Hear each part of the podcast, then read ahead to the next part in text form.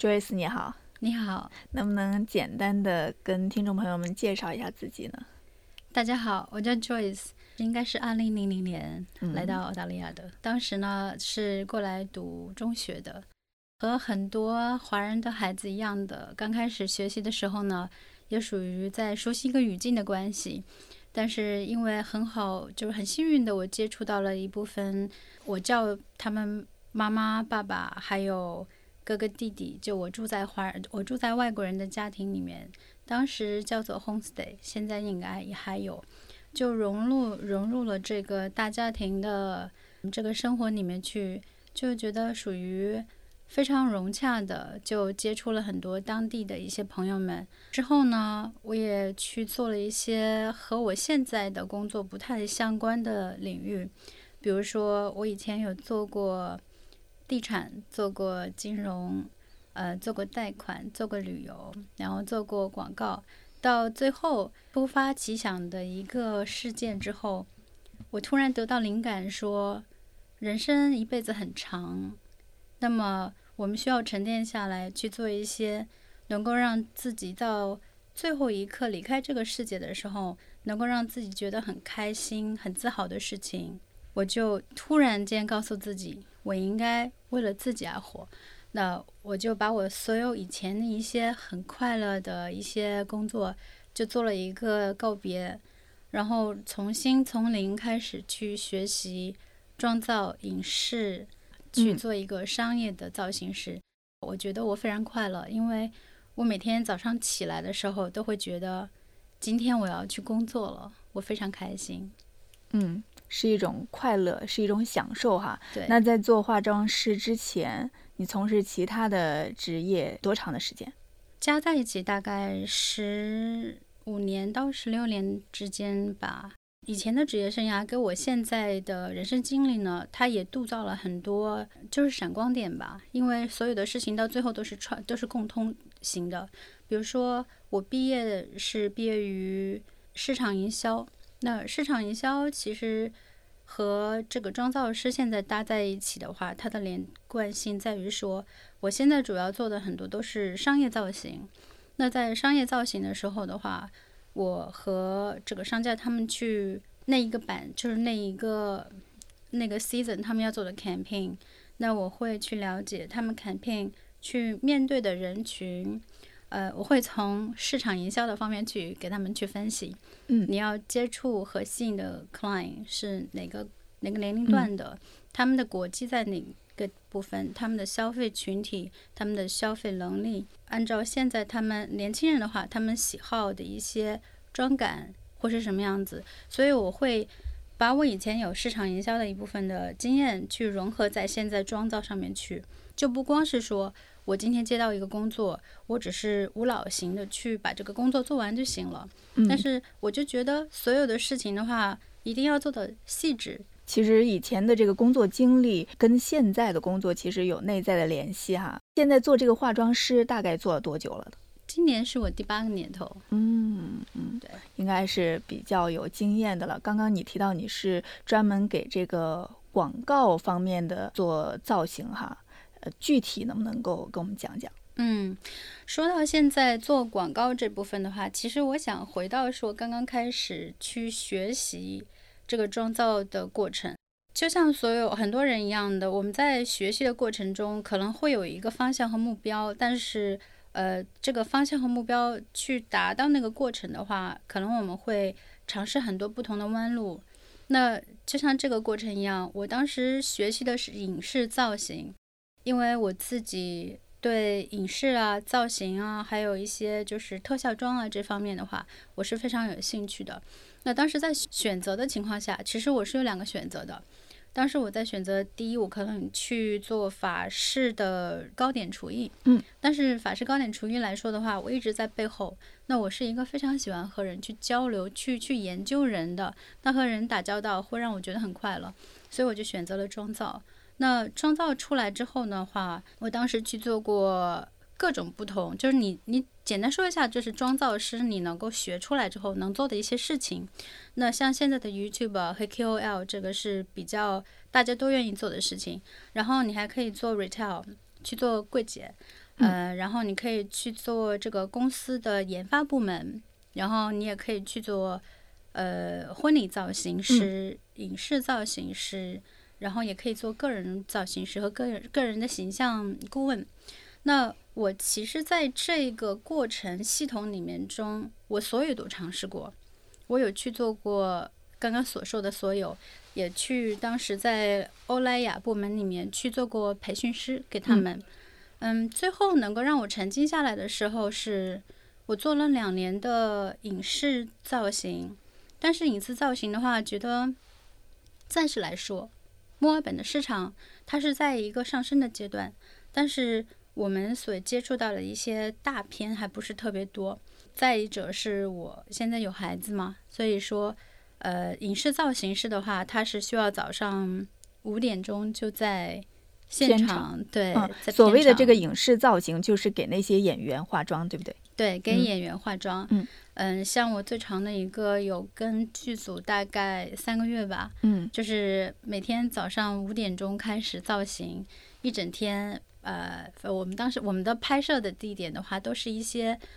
不太为人知的一些未开发的地方。嗯，这方面的话，对我现在商业造型师的话是有一个很大帮助的。就是说我有的时候去一些制作团队，他们需要去选踩点，然后踩点的话，因为我之前影视造型的时候有积累下来很多，就是大家没去过的一些。呃，一些没开发的地方，然后我就可以把这些地方提供给他们。其实这点的话，我觉得也是一个贯通性的。那回到影视造型师来说的话，就是有的时候晚上我们要大概凌晨两点啊才结束，它是一个非常长的过程。嗯，所以我自己对我来说，我权衡了一下，就是影视造型师虽然是一个我非常喜欢的，它也是个非常有前景上升的过呃阶段，但对于我现在作为妈妈吧，就是来说的话，我更愿意。多折中一下，多陪下我孩子。嗯，那我就从影视造型师换到了现在的主要工作——商业造型师。嗯，那商业造型师的话，和我之前做广告有很大关系。就以前我是写广告文案的，嗯，然后现在我变成了在一线工作，每天都可以接触到不同的人，接触到不同的方案，然后看到所有的文案从一个小的种子慢慢的。从纸上延展开来，从 meeting 上面得到更多细节到拍出来，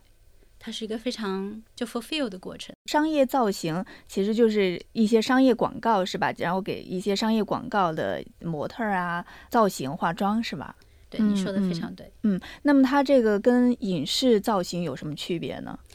商业造型和影视造型，它的区别在于说，影视造型在我们拍之前，我们所有的团队吧，就是造型师、呃，stylist 部门，还有 makeup 部门的话，都要先阅读这个 script，读下这个剧本。哦。因为我们在读到剧本之后分镜的话，我们会按照，比如说，我们有一个剧是，呃，比我我只是说，比如说有一个剧的话，是说男主男主角和女主角角他们遇到这个情况呢，可能是在一个车祸现场。那当时我们可能就要去化的妆的话，它是有特效的。嗯，这个妆的话是要一步一步按照分镜的过程。你脑袋脑袋里面拿到这个 script 的时候，你其实就在演那个电影了。嗯，你在演的时候，你会你会细分的做笔记，说女主角现在在跑，那女主角现在出汗，所以出汗这个呢，它是也需要妆造的，就是需要喷。嗯，那你说。这个呃，男主角他现在在一个战场，然后他全身都是泥，然后脸上全是灰，这些他也是要妆造的。所以说，对于影视妆来说的话的，它有很多特效，那个造造型师他需要非常有生动的这个联想啊，在里面去分析，然后把它给表达出来。对，就是其实你就是所有的演员，你在。戏拍之前就已经自己过了一遍这个剧应该怎么去演了，就非常有这个呃 visualization 这个画面感，对画面感，对不好意思，没事，谢谢补充。然后对于商业这部分的话呢，它就有特别要求。那商业的话呢，主要要体现的是说这个产品，对吧？那又分为说服装类的，分为护肤品类和。头发类，我就说这个三个比较简单的吧。那对于说服装类的话，产品方他们所需要的是说，我需要能够最大情况的话去展现我这个衣服。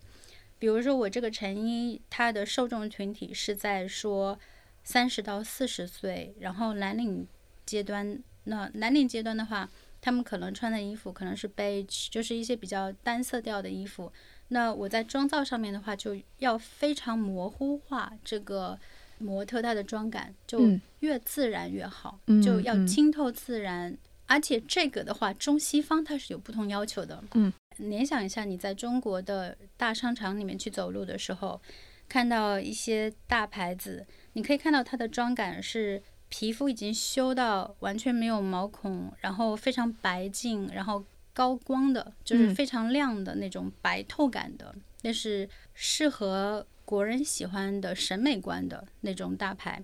那你再到欧美那一份，或者是说欧洲吧，特别欧洲这一部分的呃大牌的那些叫什么 campaign 的时候。你看到模特的话，他们就是完全无妆感，很多雀斑，然后很自然哈，非常自然，原生态那种。对对，原生态。所以说，这就回到了就各个不同的市场，它对审美观不同，那你的妆造的话，它有很大的区别和不同。那对于是护肤品的话呢，护肤品的话，那你就是妆造上面要看到说你的皮肤的肤质要做的特别好。主要是侧重点不同。那作为作为是视频类的话，欧洲高端视频的话，他们有一些受众群体在五十多岁，他们需要妆感特别浓的。年轻点的话，他们会比较 avant-garde，就是比如说眼线啊，有一些区别啊，可能有一些亮片啊，可能在其他部分还要做一些手绘。但是在一些大众群体的话，他就是说要干净，就整个脸看不到任何的发丝。所以说。每个你要真细分的话，每一个不同的类别里面，他们对妆感的要求都是非常不一样的。嗯，但是在一些很大的一些牌子，他们会在整个拍摄团队里面有一个类别，叫做有个就是 role，它叫做 art director。这个 art director 的话呢，他就是控全盘。嗯，当天他已经说在拍摄之前的话。他就已经把所有的妆感、造型，他已经规定好了。就是说，大家就是我的，就是一个 tool 吧，就是帮我去还原我脑脑袋里面的那个要求。所以说，不同的类别的团队，所以我们做的工种也不一样。像那种非常大的造型的话，所有的一些 reliability 啊，responsibility 都是去推给 art director，我们是没有任何控制权的。嗯，但是在比较二线品牌，或者是说更加给自由度给到我们这些 artist 的情况下的话，我们是可以有自控权，从头到尾自己来发挥。对对，自己发挥的。那么最初学这个化妆，觉得容易吗？我让大家去设想一下，就是去化学化妆这个事情，它这个课程里面到底会有一些什么？可能大家就会想到说啊，我就在那个 YouTube 上面看看大家化妆啊，我就可以了。或者我去 Mac 在里面去工作啊，和 Mac 工作的话，就可以带我教我去化妆了呀。当时我也是这样想的，有多难就化妆，对不对？来给我把刷子，然后在脸上画一画，谁都会。然后呢？我就去报了一年半的课程。那当时我们入课程的时候呢，我的那个班是有二十六个学生的，完全和大家所想象的化妆课程是不一样的过程。我们有很多 research 要去学历史，比如说，就说不同的妆类，因为是影视化妆嘛，他要学习的是说。十八世纪的妆，十九世纪的妆，十九世纪一零、二零、三零、四零、五零，他们的妆都不一样。那为什么不一样？那你要去追究当时那个历史。就比如说，为什么在维多利亚时期，那个时候的女生，欧洲女生，她们喜欢白皮肤，嗯，然后喜欢黑牙齿，那和当时英国的贵族才吃得到糖是有关系的。所以那个时候的牙齿是黑的，就越黑就说明你越有钱，因为糖在那个时候属于稀有品，只有贵族才吃得起。吃多糖之后牙会发黄发黑哦，所以那个时候的牙膏的话也是用糖做的。所以说怎么能奢侈来能够用糖，那我们就用糖。所以我们会学到很多关于说当时的历史对于化妆和化妆的风格的推进是什么样子的。就这一部分从二十六个学生已经降到了大概十多个学生了，因为我们还要写论文，哦要要做要做考评，要做 research。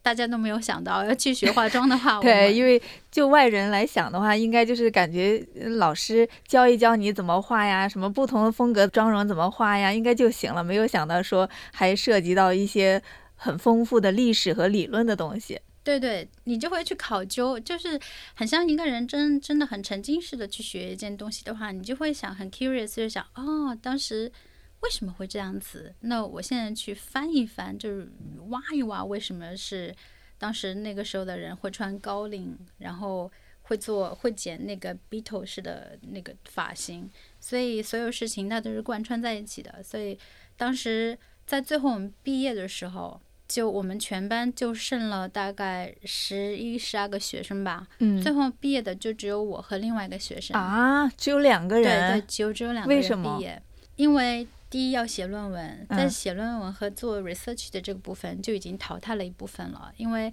可能大家都没有想到说，我原来还要去写这么多东西。一个对于 artist 来说的话。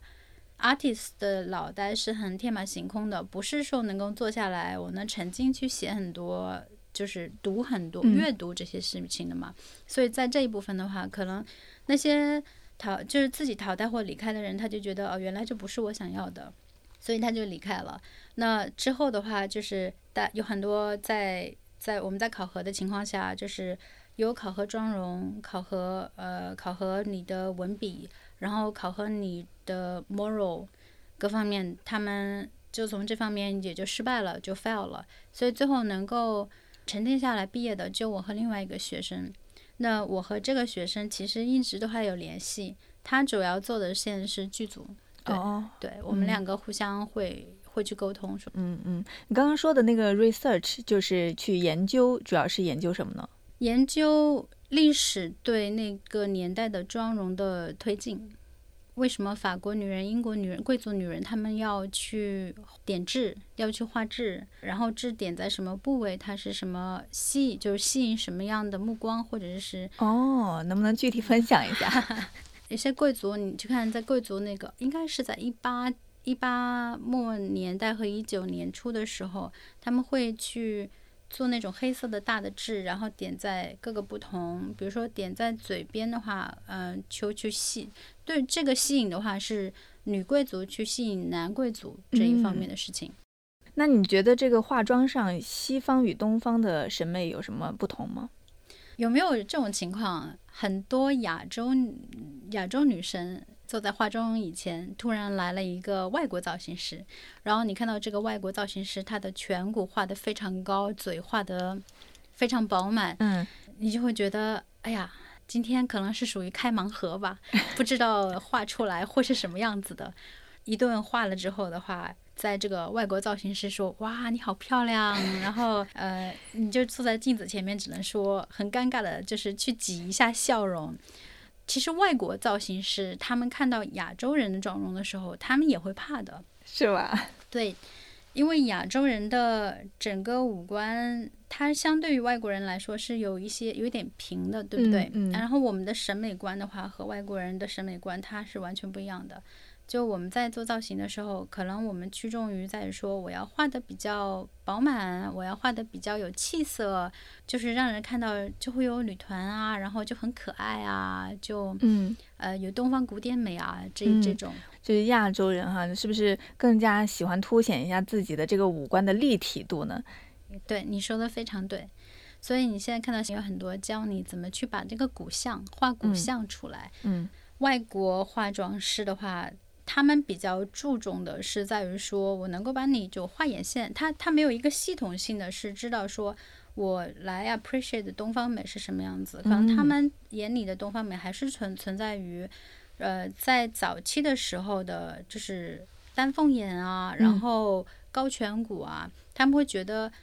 对于东方美的审美观的话，他们非常喜欢亚洲人的高颧骨。还有一个，只有在学习和外国化妆师了解之后才知道的是，外国人非常喜欢我们的眉眼的间距非常长，嗯，因为他们的他们的眉骨非常高，所以说你可以看到他们的眉和眼的间距非常窄，所以就那个 space 空间很小，对于嗯他们来讲的话，它的发挥度不够。但是他看到亚洲人的眉眼间距的时候，会觉得哇，我看到宝藏了，有这么大的空间可以让我去发挥发挥。他就会说，那我今天捡到宝了之后，我就把不同的颜色 pat 上去啊，然后你可以看到他会做一个很很夸张的，就是欧美的假造型在上面，看到就会觉得我非常满足，很有成就感很有成就感。可是对于我们来讲的话，其实我们想想看，我们用的比较多的颜色很多都是大地色，对比如说暖暖红、暖棕，然后做一个浅浅浅的过渡，能够让眼睛看上去的话更大更有神。不处于这个人种，他们可能没有办法去了解到的一个事情，所以真正要找说外国人和中国的化妆师，西方和东方的审美的话，就是每个人的审美不一样，他他的就是作品也不一样。就是说，你假如是给一个人一个苹果，说那你给我画个苹果，每个人就十个人，十个人画的苹果，它的风格都不一样，就是按照自己意象里面的那个苹果，它是怎么样最漂亮，它就会怎么画。作为一个华人化妆师哈、那平时怎么样去平衡他们西人的这种妆容？我们作为东方人嘛哈，有一定的这种审美的一个铺垫、一个基础了。那怎么样在这种审美上面去有一个适应和转换的过程呢？你是不是有这样的一个 会有这样的一个过程？我能够认脸，我可能不认路，我开车经常会开错，可是我非常认脸。那我看到一张脸的时候的话，我就脸对我来说都是画布，对我来说嗯都是一个艺术品，嗯就是我不会把它当成一个 talent 或者一个客人来看，我会把它当成一个艺术品。我会先去端详，在端详的过程的时候，我会可能会他去聊，说聊一些你最近一些快乐的事情，因为化妆每个人的漂亮和是里表要一致的。心灵的快乐，它会呈现在脸上。那脸上它呈现出来的话，嗯，你可以把这个快乐带到镜头前，然后这个镜头前的快乐可以渲染给你要布向的一些客户群体，对吧？那我第一步的话，会和这个 talent 先去聊，就是聊一些他非常开心，然后非常暖的事情，你就可以看到他慢慢的就整个笑容就出来，整个五官他就松松松缓下来了。那在聊的过程中，其实呢，我是在研究这个人的五官。我看到一一张干净的脸，没有妆容的脸的时候，我可能就已经把整个妆造最后是什么样子，已经就在大脑里面想象出来了。就是这个 visualization 其实是 还还是需要想象力的，对丰富想象力。对对，我就想象出来了，所以我就会按照我当时想象了之后，当然也会问他，就是假如是 talent 的话，就是做呃商业广告的话，那肯定要按照就是 art director 或者是说这个产品的要求吧。但假如是呃做一些宴会妆的时候，那可能就会来聊说啊，你平常会喜欢化什么样的妆？你比较你比较喜欢那个 celebrity，然后今天今天穿的是什么衣服？然后呃就这些和他聊了之后，我就脸上就有不同的妆感就出来了。那在画的时候，我就会按照我自己脑袋里面想想想象的一个事情，去慢慢做调整。十有八九出来的话，都是客人非常想要的样子，就是可以还原出来。我所以说，其实倾听和联想这两个技能的话，作为化妆师的话是非常重要的。你有没有失手过的时候？就像我以前在国内的时候，其实我是呃一位歌手，我我以前会上嗯台去演出的。嗯嗯，每次上台演出的时候，虽然演演出了很多场之后，还是每次上台会有一个小紧张。现在去工作也会有个小紧张，就是这种紧张，其实我现在总结下来是好的，因嗯为假如是到一个工作的情况下，你完全不慌不紧张的话，说明可能自己没有在我的专业领域想要更加去发展了。所以每次的紧张的话，其实能够让我更加 fully concentrate 去把这个工作去呈现的更好。八年的积累经验下来，我觉得我一直在成长，一直在嗯学，然后我的技术和四年前可能找到我的产品方，到现在来找到我的产品方，我可以看到很大的一个质的跨越。嗯，有没有什么难忘的这种经历跟我们分享？我来和你说一下，先说一下电影类吧。我觉得因为电影类的这事情，我是觉得印象很深的。这个电影类的事情呢，当时我们是去拍了一个呃公益短片，公益短片是提高大家对于家庭暴力的这么一个 awareness 的。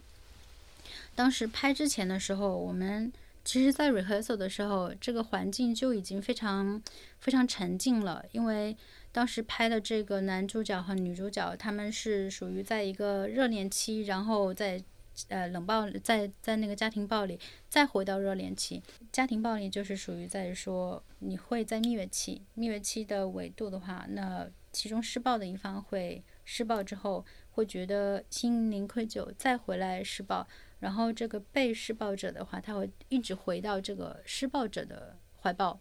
那我们当时就在 rehearsal 的这个过程中的话，就已经非常私心，嗯，去剖析一些细节性的东西。比如说，嗯，其中对于我来讲的话，我要去做很多处理，在于说，就去化淤青，嗯，呃，去化流血，去化脸被打爆什么样子的。所以在收集这个早期的 research 的时候，在网上看一些真实的一些案例。因为我需要一定要去还原到，就去去收集真实案例。当时就可能处于我自己有一个比较短的 depression 的时期，因为我自己把自己太投射进去了嘛。嗯。那在拍的时候的过程中的话是非常震撼的，因为这两个演员他们有二十多年的经验了，就就是可以瞬间入戏的。而且他们入戏之后的话，他们会一直在这个入戏的过程中待到片子拍完。之后的一段时间，他们自己的性格就一直是那个性格，他们不能出，他们不能 jump off the character。整一个拍摄三天的过程，我们和剧组在一起，安静到地上落一根针，大家都可以听得到。因为这个环境它就是属于说非常压抑的嘛，收音的话，就连大家可能打个嗝都可以听得到的。男主角在吼的时候嘛，就砸门和吼的时候。哇，我们几个女生躲在房间里面，就是你知道吗？就那种恐怖感，就是太有代入感了。所以那部片子我拍完了之后的话，大概花了两个星期，才慢慢从那个心理建设里面才跑出来。就那个对我来说非常记忆犹新，但是也有很多快乐的事情。商拍的话，我们其中有一个有一个片子，就有一个商拍的话，我们是需要开到。在三到四个小时的一个农场里面去拍某个保健品广告。嗯，过去的时候就每个人发了一双那个雨鞋，因为我们要从牛粪上面就是踩三天踩过去。但是非常快乐，因为因为大家在一起，嗯，在野外一起工作，然后和牛在一起，然后很多突发状况，就是每一次的拍摄都会有非常多的突发状况。嗯，比如说，比如说路过不去了，然后或者是说路封了呀。因为我在外面去拍摄是非常看天的，靠天吃饭的。就我们去拍 Just Jeans 的广告的时候，当天是拍的是春季款。那春季款的话，我们要求在 mood board 上面写的是说阳光普照，模特们穿着裙子，然后在那个花园之之中穿来穿去，然后互相嬉笑打闹嘛。嗯。早上拍到十点的时候，还是有一点点阳光的。然后从十点开始的话，我们的模特是从全从悉尼飞过来的，然后就开始下暴雨。下暴雨了之后，我们六个人躲在一把伞下面，然后去一直等，等了一个小时不行，然后就先回到比较近的一个一个休息地了。下午就开始下冰雹，然后下冰雹了之后，大概有十分钟的时候，就是外面出太阳。我们又出去拍，就是这种循环渐进的出太阳。澳墨尔本的天气这种突然性，对对，它突发状况非常非常多，这个很好玩。嗯嗯，是一波接一波的这个不确定性。对对，不确定性。还有一个之前接触到了一个英国模特，这个英国模特的话，他是每一年会在一个国家，嗯，就只会待在一个国家一年，他就会。就是这叫 traveling 的模特嘛，嗯，我就当时和他会去聊，我不太理解，说你这样不会觉得孤独吗？然后每次去不同国家都要去认识新的人，然后建立新的感情关系。嗯，他说不会啊，他说我的生活态度就在于说，我们本来就是世界人民，那。生活在一个国家，出生之后的话，一直就在那个国家，从来不出去，就会觉得来到这个世界上的意义是在于什么？他就他也在问人人的那个三个哲学问题，我从哪来，我是谁这些嘛。然后我就说，那你不是可以去旅游吗？他说，嗯，你说的这样也对，但是我去旅游是短期的，但我还是会回到同一个栖息地。我想做的就是说我利用我自己可能有的这个六十七十年的或者八十年的日子，能够把这个世界全部都游完，然后。每一年我会去一个国家，那这样至少在我过世的时候，我大概可以去了大概五十六十个国家这样子。他们的生活态度吧，对于我来讲，可能我自己不太会去采取。但是你听到大家的一些故事之后的话，你会觉得，我会觉得我的人生观，我的眼界会更加 open。模特他们其实是非常不容易的，就是在大众的眼光下面觉得啊，模特非常光鲜，光鲜亮丽，对，又可以穿品牌，然后每天都可以走秀啊，或者，但是其实模特非常不容易。嗯，比如说这个模特，我们在几个月前把他从米兰飞回来，就专门去拍一个一个男生的 fashion brand 吧。他飞回来之后的话，本来他就是澳洲人，他就在澳洲多待了几。一个一两个月，那在他飞走的前一天，我们又把他 book 了去拍另外一个 fashion 品牌。那其中就和他聊了很多，他自己其实是学哲学的，嗯，然后嗯很有幸就是被心态挖掘了吧。但他呢没有办法留在澳洲，因为他不属于说澳洲会喜欢的那种型。他本人嗯其实很高很帅，然后呢，但他的身材是非常细瘦细长型的。嗯嗯，像细长型的这种身材的话呢，是在欧洲才吃香的。欧洲的模特的话都非非常需要零脂，然后其实已经很瘦了，可是但是就是要比我们大众眼中的瘦还要再瘦一两一两个号，他们才可以真的去在欧洲得到。很多的邀约，而且他们工作的频率大概是一天到两到三个工作，就是非常频繁、非常忙的。但他飞到澳洲来的话，基本上就是完全接不到工作，因为澳洲市场对于蓝模的要求的话是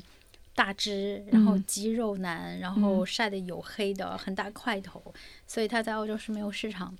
他说，因为欧洲的市场的话，还是属于早期比较 classic 的一些一些。嗯，对模特的要求吧，像嗯，刚刚进入青年期，就是青年发育期的一些男模、女模，他们可能身材在不就身体在成长过程，嗯，所以在这个 stretch 的过程的话，他们是很容易保持这种很细瘦长型的身材的。可是随着我们慢慢在发育，然后成成年之后的话，是这个堆积脂肪是一件很正常的过程，那他们就需要。呃，能够保持到怎么样去保持到那么细瘦长的过程呢？对于男模来讲的话，他们，呃，男生是很容易长肌肉的，只要做锻炼就很容易长肌肉。可是欧洲模特的话是不能有肌肉的，所以他们就一定要走四个小时。哦，对他们就就长行走路，走路去把这个脂肪给消耗下来，但是不能去健身。对于女模的话呢，就是就是很少吃或者不吃。然后有一个从呃巴黎回来的模特，他在巴黎工作了六年。他说他最后因为身体的关系必须要回来了，因为他有四年没有来例假，就是因为平时的饮食习惯吗？对对，就是他们不敢吃，因为吃了胖了之后的话就不能就不会有工作了嘛。然后他其实一直觉得。嗯，虽然不快乐，也走过香奈儿的秀，走过各种呃 LV 的大牌的秀，他都走过。然后每年都是去走那个就是米兰 Fashion Week 的，但他就觉得这个就是成就已经放在那边了，他没有任何的愉悦感，因为人在不吃的过程中他是不快乐的嘛，不能分泌嘛。嗯，直到有一天，有一个他的朋友，二十多岁的一个女孩子和他走路的时候，突然跌了一跤。二十多岁的女生在跌一跤的时候，其实是嗯不会有什么问题的，嗯。可是这位朋友呢，断了三个肋三根肋骨，哇！就是因为平时就经常就不吃。他是已经瘦到什么样的程度呢？就是你看到的欧洲模特的程度，嗯嗯，就是那种。然后这位女生她就觉得，我的人生我才二十多岁，我不想像这样子继续下去，她就回到澳洲了。那澳洲其实对于模特市场的它的宽容度是非常大的。嗯你可以看得到，其实现在因为澳洲的就各种就是说对于对于体型的一些包容啊，然后对于人种的一些包容啊，会用到呃残疾人士，然后会用到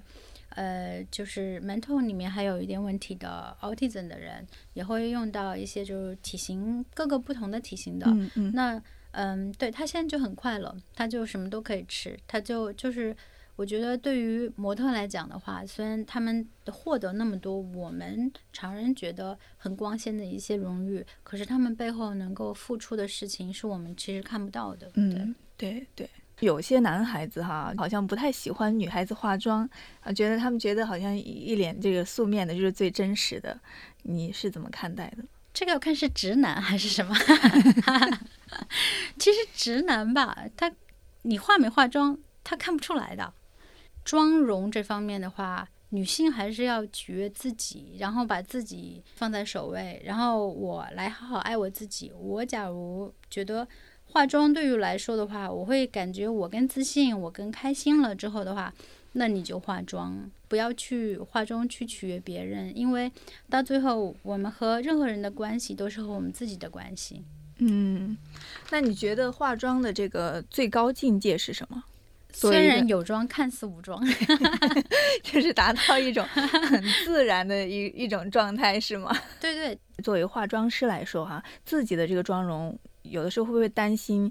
这个顾客哈会从化妆师给自己画的这个妆容来评判说，嗯，这个化妆师好还是不好？会，嗯，你这个你这个说法是非常正确的。我曾经不止一次的被客户宴会妆的客户说，我就要你这个样子，很喜欢你怎么画的眼型。所以相当于就是说，化妆师自己的脸也是一个 门面，好像是自己自己的一个招牌。是的，嗯另外，除了化妆师，你还有一个身份啊，就是演员啊，能不能具体跟我们聊聊？演员这个事情完全属于是意外。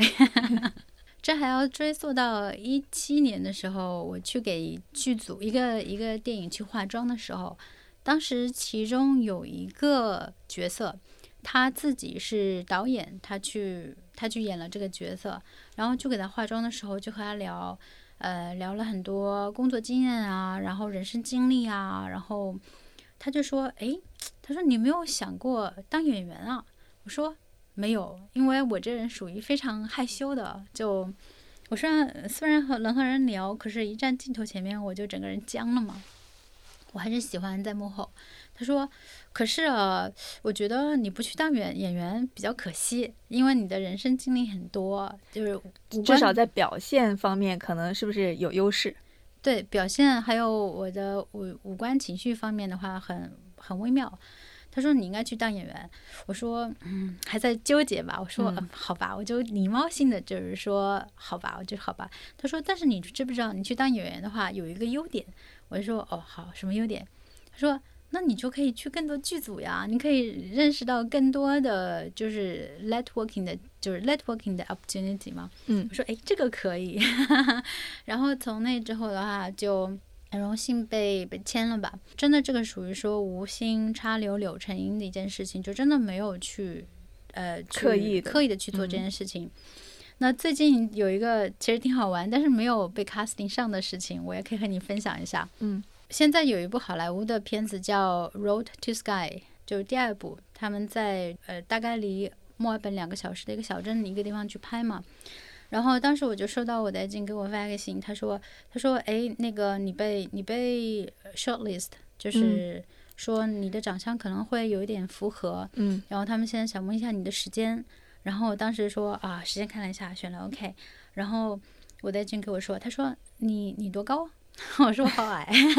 然后他说你你能不能就是穿鞋可以达到一米六八？嗯我说可以吧，那可以穿高跟鞋啊高跟鞋就可以了吧？然后我还很自豪。他最后我还是没被选上，在没被选上之后，我才知道原来当时要选我的是去给，就是在拍电影之前，就女主角拍拍戏之前，他们会选一个 stand in 的人在那边去测试镜头，嗯和定点嘛。那嗯我当时是是要去做这个 stand in 的哦人，嗯那是为谁去 stand in 呢？是去为范冰冰，